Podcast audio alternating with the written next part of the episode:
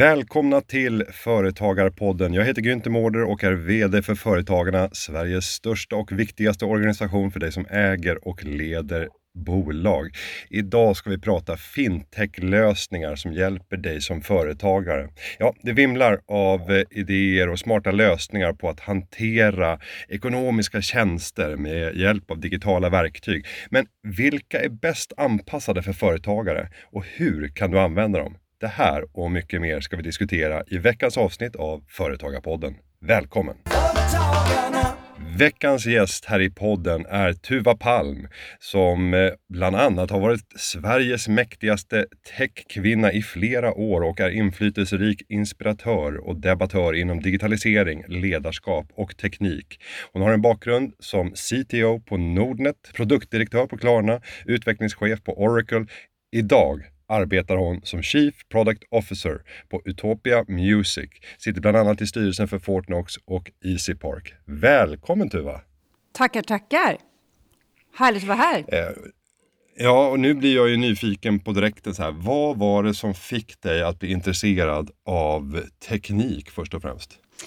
Ja, det, det, är en ganska bra fråga. Jag tror egentligen... Min pappa var, han var i och för sig arkitekt, men jag skulle säga att han var typiskt en ingenjör och höll på... Han hade en liten verkstad hemma och höll på och lödde och, och gjorde lite såna grejer. Så jag tror att det började ganska tidigt att han dels berättade.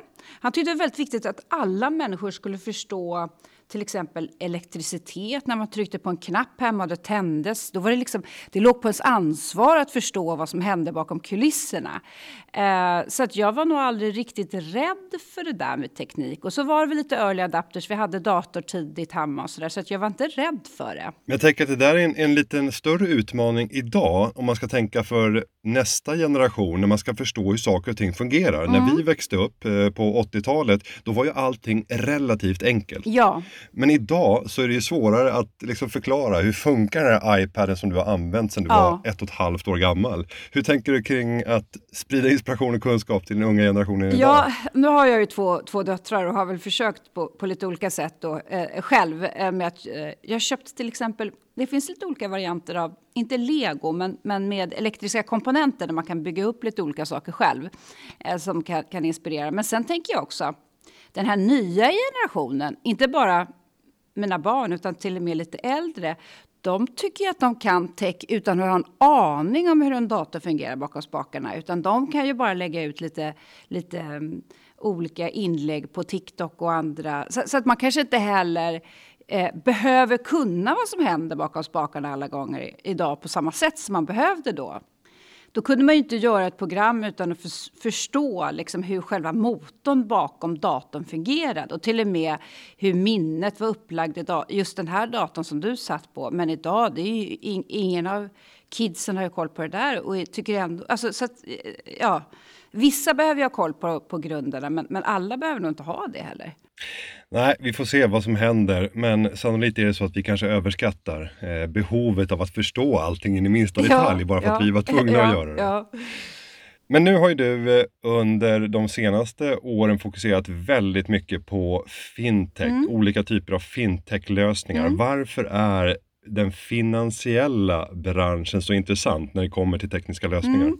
Det började faktiskt, eh, faktiskt då kallades det inte för fintech, men, men eh, jag började redan i början av 2000-talet att bygga system för, ehm, eh, för främst banker.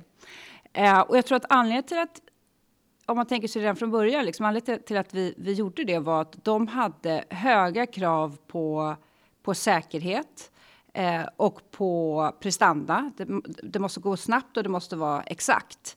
Eh, plus att det fanns tidigt ett högt krav på det vi idag kallar för digitalisering. Det kallades ju inte för det då. Men, men eh, eh, man brukar säga att banker är sena i digitaliseringen, men de är ju ändå ganska tidiga också om man säger så. Det är ju med att de har lite gamla system som de behöver skriva om i vissa, i vissa fall.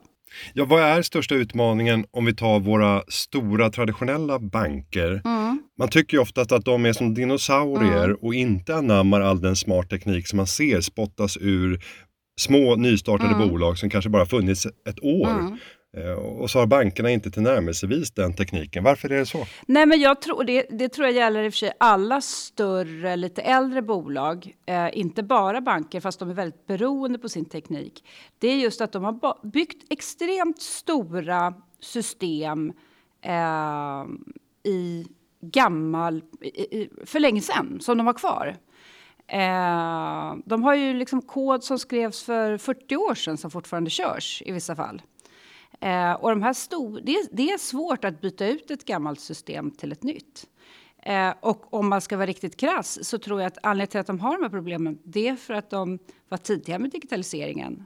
Eh, och man ska inte vara alltför kaxig. Jag vet på Klarna var när jag jobbade där, det var ett av mina uppdrag var att vi skulle göra just en, en eh, vi skulle skriva om den, deras plattform hade också blivit gammal.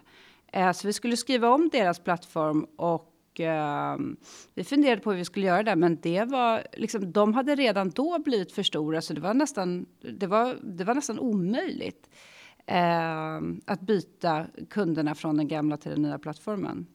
Så jag, jag tror att man, man eh, och det ska man väl ha i åtanke att det den om man är utvecklare nu, eller om man är chef över utvecklare eller om man är ett företagare som har bygger en digital produkt eller är beroende av digitala komponenter. Att man tänker på att de måste kunna bytas ut på ett enkelt sätt. Men om vi tänker på frågan bygga nytt eller renovera befintligt. Mm. Eh, om man då sitter med ett ganska avancerat system men som var utvecklat kanske för 10-15 eh, år sedan och mm. inte idag håller den standard som man, som man vill ha.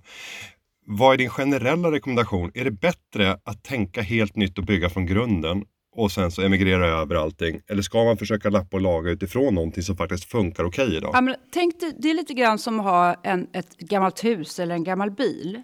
Eh, jag skulle säga att rekommendationen är att du hela tiden lappar och lagar lite på det här huset. Du kommer aldrig behöva bygga om det. Eh, och då, då, kan det, då kan fortfarande ett gammalt system kan fortfarande fungera i en ny miljö och behöver inte alls byggas om. Eh, men om du lämnar det här gamla huset och låter det regna in lite här och där och det blir mögel. Alltså det är samma sak med, med, med ehm, ett stort system. Att om, om du bara har lämnat det 10-15 år och du kanske inte ens har någon på bolaget som kan någonting om det här systemet. Det kanske är skrivet ett programmeringsspråk som inte längre är aktuellt. Så det är svårt att hitta folk som kan, som kan förstå exakt vad det gör. Då skulle jag säga, då kanske det är bättre att skriva om. Eh, men det att skriva om ett system är, det är oerhört svårt och även om du har de vassaste ingenjörerna eh, som finns så är det här ett projekt som tar liksom åratal. För du måste vara väldigt försiktig.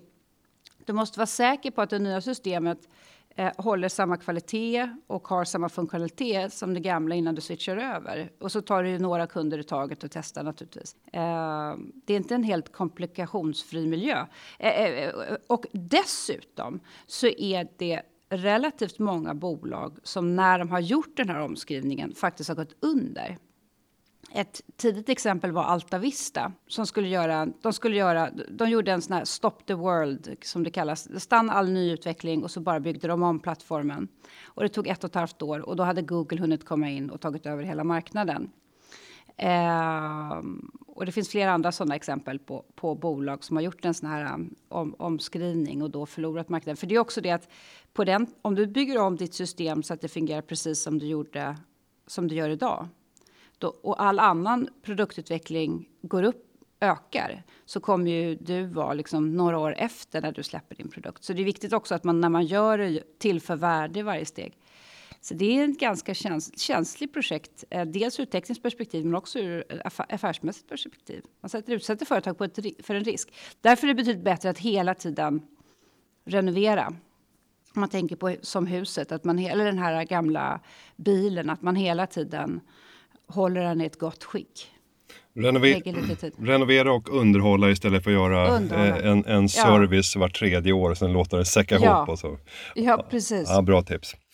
Eh, om vi ska gå vidare och titta på fintech-lösningar mm. och eh, mm. de lösningar som du är mest imponerad över i dagsläget.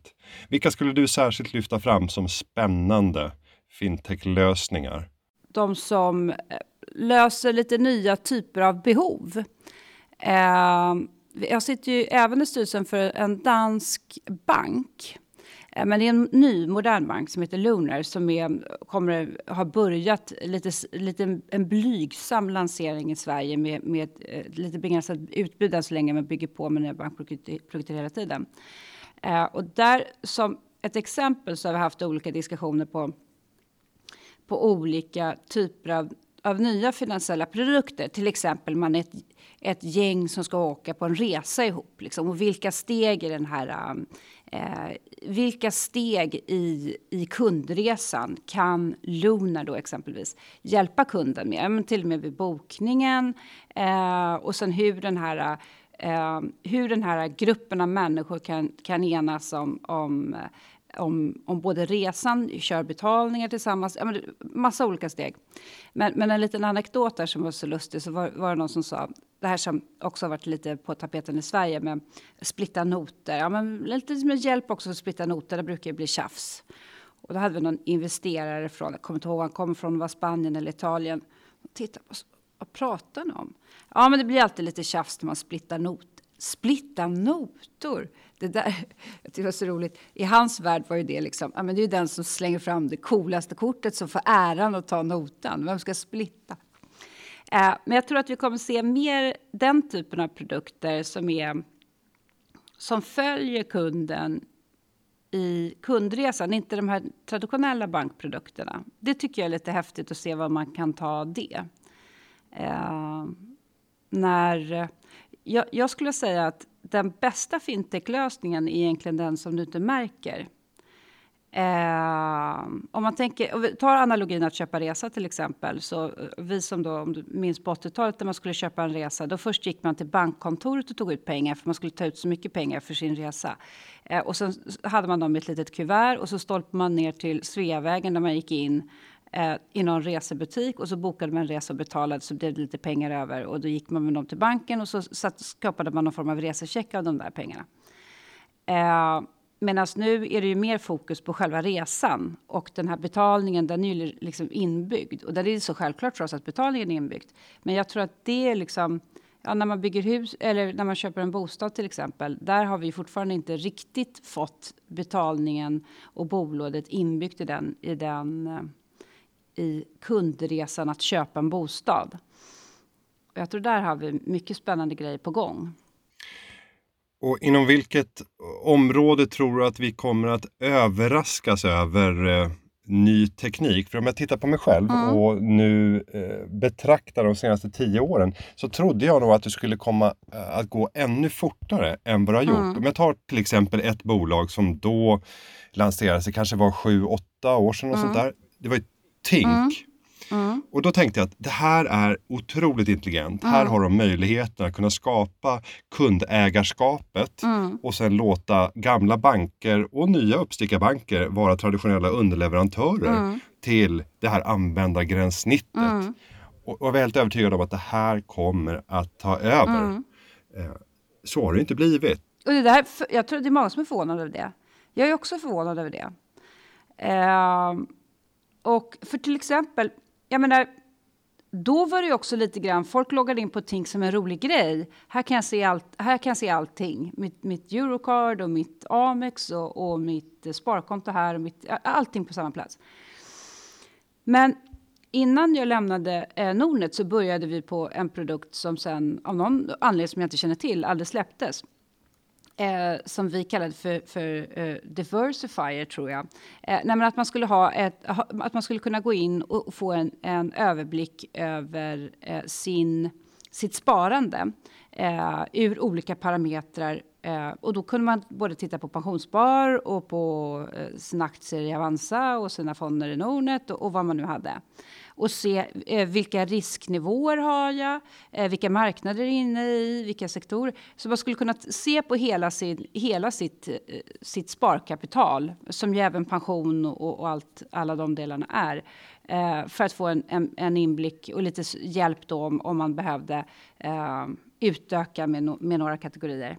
Jag vet inte vad som händer med det, men, men jag tror att det finns så mycket intelligenta Alltså det finns ju så mycket som teknik kan ju göra, ge oss, göra så att vi gör betydligt bättre finansiella beslut. Eh, och jag kan faktiskt inte svara på varför det inte har slagit mer.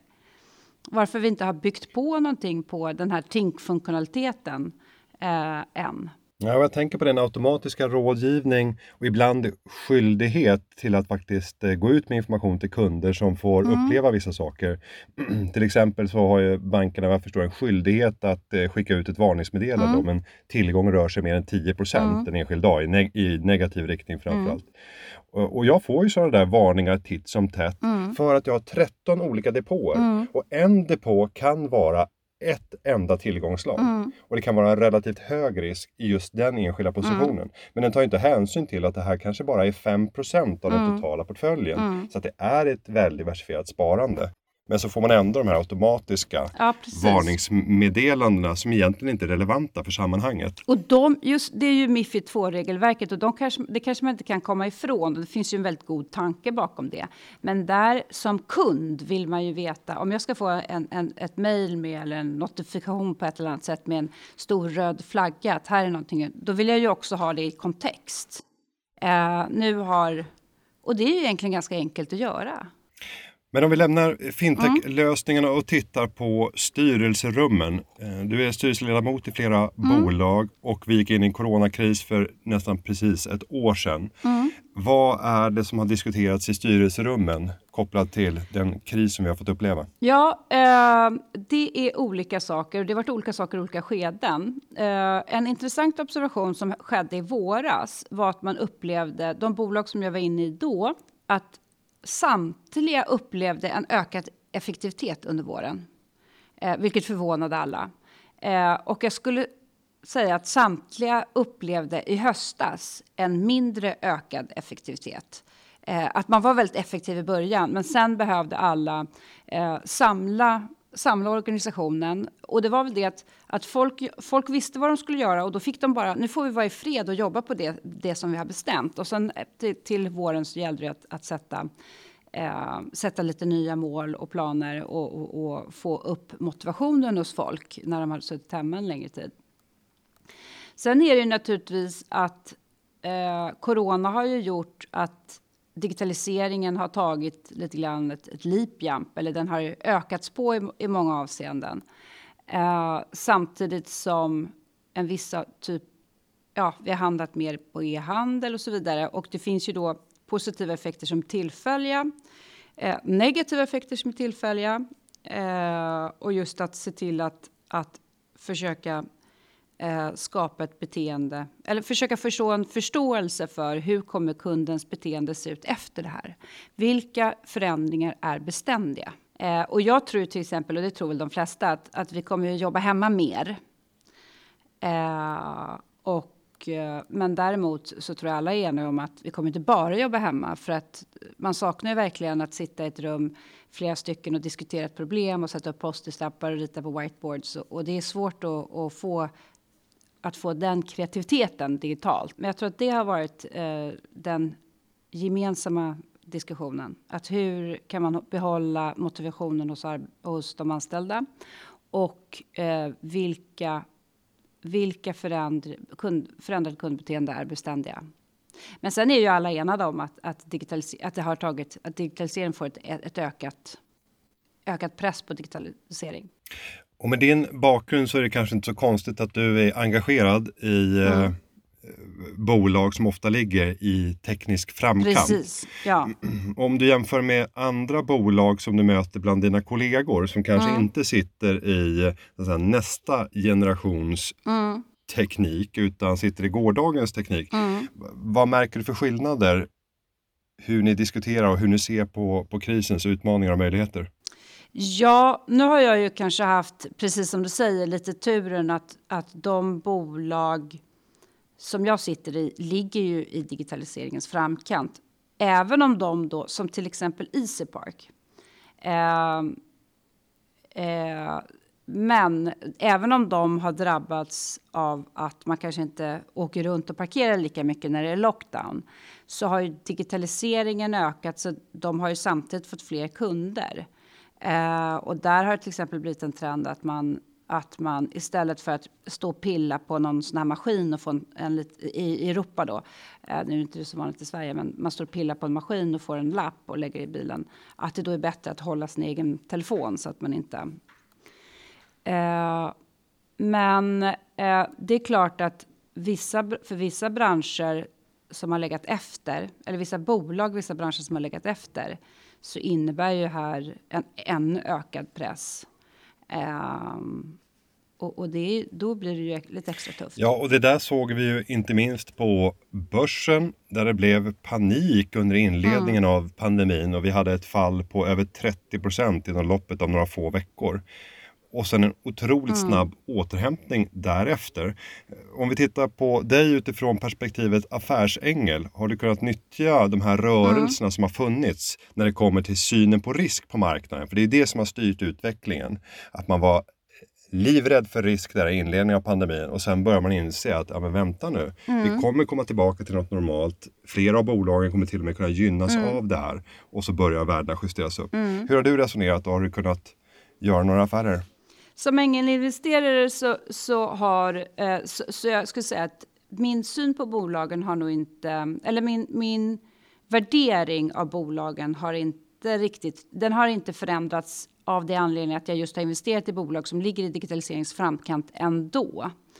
Eh, sen har några av de bolag som jag har investerat i gjort en, en liten eh, eh, de har gjort en liten pivot, så de har ändrat affärsmodell, vissa av dem, lite grann. Eh, men jag skulle säga att jag, jag tittar nog fortfarande på bolag där, med kort och gott, där teknik, det behöver inte ens vara ny teknik, där teknik kan, kan eh, förbättra vardagen och skapa nya affärsmöjligheter. Eh, och det är lite samma nu som tidigare. Och det är alltid, jag tittar alltid, eftersom jag investerar i så tidiga skeden, så tittar jag alltid mest på teamet. Eh, och nu blir det ju ännu viktigare på något sätt att man är lite extra adaptiv och kreativ. Och hur tidiga skeden eh, kan du bli intresserad? Är det redan när man sitter med liksom en, en powerpoint och berättar vad man vill göra eller ska det finnas en eh, grundläggande MVP som man säger, en, en, en testversion? Som man... det, ska det, kanske, det ska finnas någonting. Är det bara en powerpoint då, då tror jag att det skulle krävas väldigt mycket för att jag ska bli intresserad. Uh, någonting. Nästan behöver det inte vara en MVP hos kunden.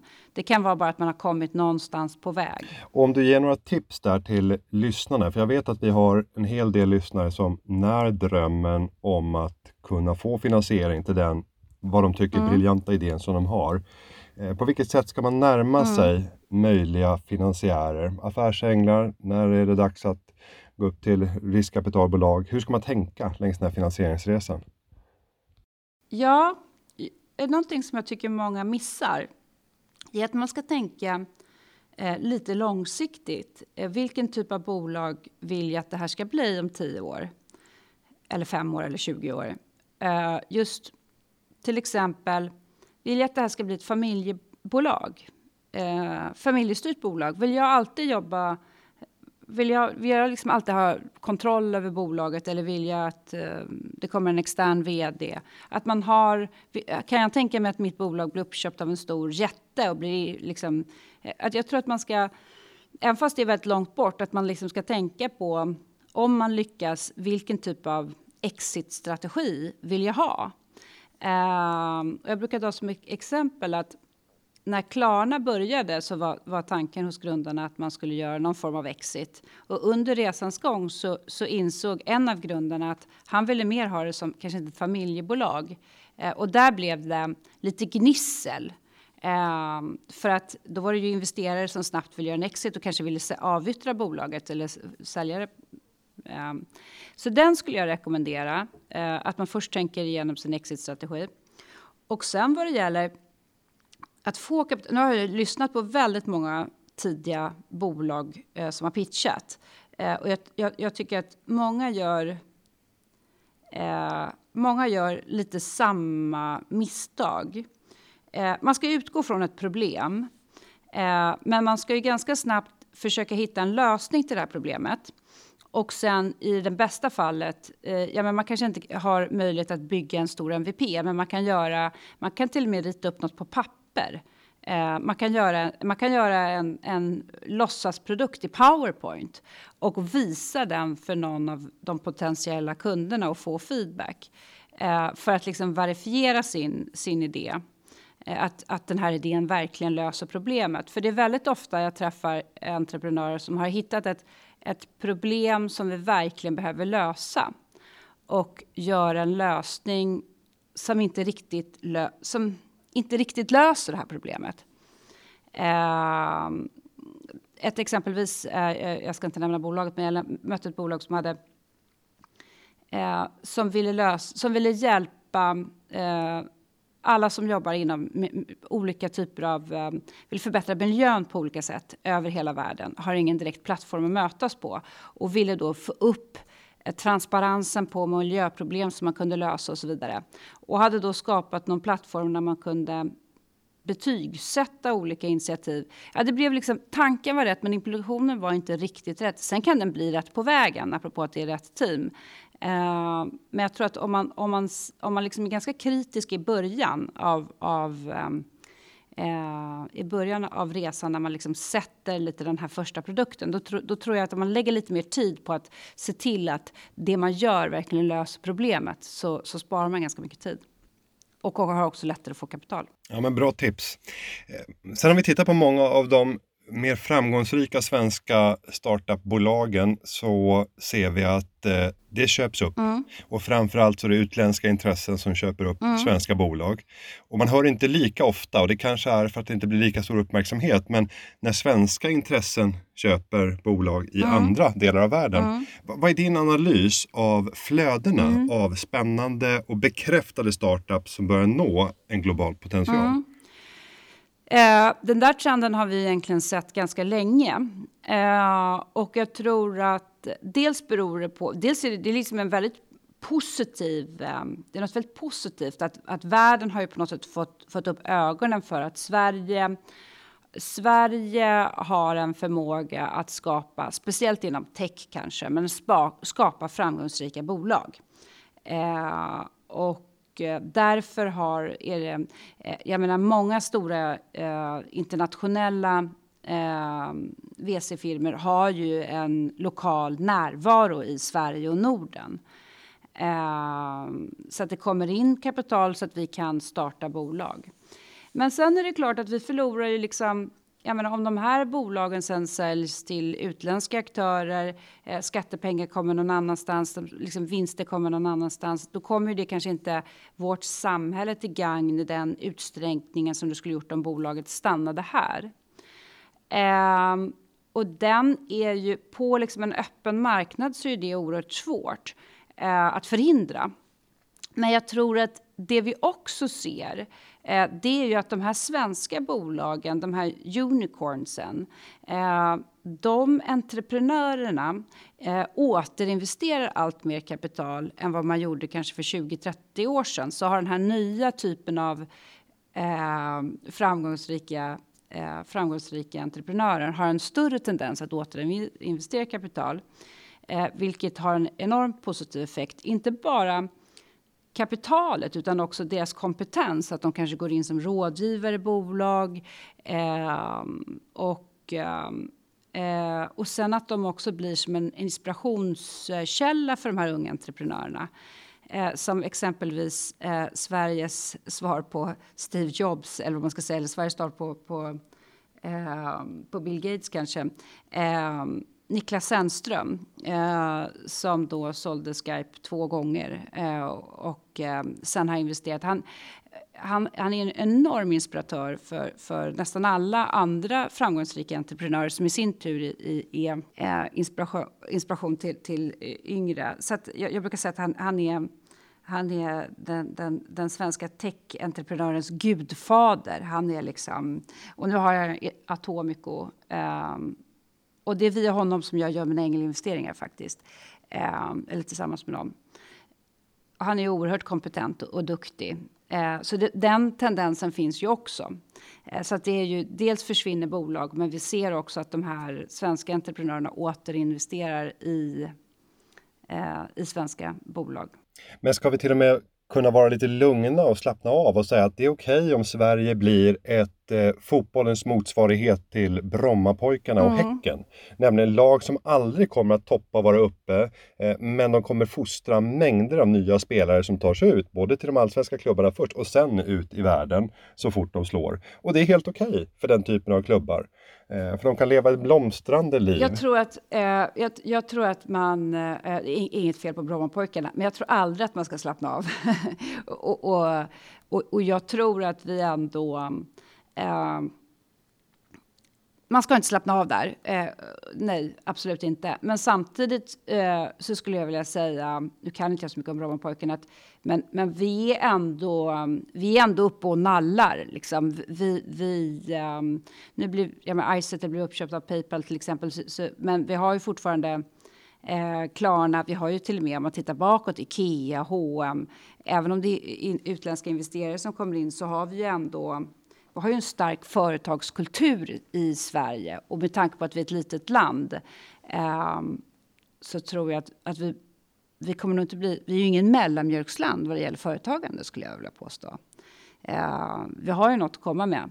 Men sen, eh, ja, jag, jag, vet inte riktigt hur man skulle förhindra det här på en öppen marknad. Att det kommer in utländskt kapital och stora jättar som köper upp oss. Det, är ju, det enda sättet att förhindra det är ju att vi själva skapar stora jättar som i sin tur köper upp utländska bolag. Eh, jag menar, Klarna har ju gjort lite utländska förvärv till exempel. Eh, Easypark är ju visserligen norskt från början har ju, och har ju, gör ju en mängd förvärv. Det finns ju en del Ja, det blir spännande att följa i fortsättningen för det är klart att eh, med alla dessa, nu pratar vi inte tiotals utan kanske hundratals entreprenörer som har gjort en resa, mm. kunnat bygga ett kapital om minst 100 miljoner som man kan mm. investera själv. Mm. Eh, kombinationen kunskap och kapital och sen mm. möta nästa generation som sitter mm. på kanske nya lösningar på dagens problem. Mm. Den är ju väldigt spännande. Men nu, nu vill jag avslutningsvis få lite tips av dig när det gäller inspiration. Var hämtar du själv inspiration och kunskap för att ständigt vara på tå och känna att du är ajour med utvecklingen? Eh, jag läser en del, eh, både artiklar och böcker. Eh, men sen skulle jag säga egentligen, och det är ju naturligtvis mycket givande och det kan jag rekommendera alla. Eh, nu är jag lite, jag har varit lite eh, Eh, dålig på att lyssna på poddar på, på senaste tiden för att jag har, har skaffat hund så att jag, har, eh, jag är lite mer aktiv på mina promenader. Tidigare så hade jag, eh, så hade jag eh, podd i, i öronen. Eh, men eh, ett av mina faktiskt ändå största in, källor till inspiration det skulle jag vilja säga är möten med andra människor. Och nu, nu är det kanske lite svårare de här tiderna, men, men det finns ju eh, digitala forum. Men eh, jag har haft turen att mina gamla kollegor och eh, vänner som jag har lärt känna in, inom eh, under min karriär som liksom är i samma bransch mer eller mindre. Eh, att, att många av dem har blivit oerhört framgångsrika inom vissa nischer eh, och på så sätt dela erfarenheter eh, med varandra. Eh, och där har vi haft flera olika chatttrådar nu under coronatider eh, och nu testar det här eh, Clubhouse för att ha lite diskussioner eh, kring olika specifika ämnen. och det, det, det har varit oerhört, oerhört, det är oerhört inspirerande för mig. Ja, nej, för det behövs ständigt påfyllnad av kunskaper och mm. energi och inspiration. Mm. Tuva, jag skulle vilja säga stort tack för att du kom till Företagarpodden och delade med dig av dina tankar, gav inspiration och kunskap säkert till många av våra lyssnare här och inte minst till mig som har fått äran att intervjua. Så stort tack och eh, vi ses förhoppningsvis i ett annat sammanhang. Ja. Eh, får vi se när det dyker upp. Mm. Och med det så tack själv. Ja, tack. Och med det så ska jag säga att underlaget för dagens podd det är förberett av David Hagen och klippningen den är som vanligt gjord av Petra Cho. Vill du ha fler tips på hur du kan driva och utveckla ditt företagande? Gå in på företagarna.se och titta gärna under fliken Driva eget där vi har samlat mycket kunskap och inspiration. Vi hörs igen nästa vecka. Tack och adjö. Företagarna, ja, ja, ja, ja, ja, ja. dagarna. Ja, ja, ja, ja, ja, ja.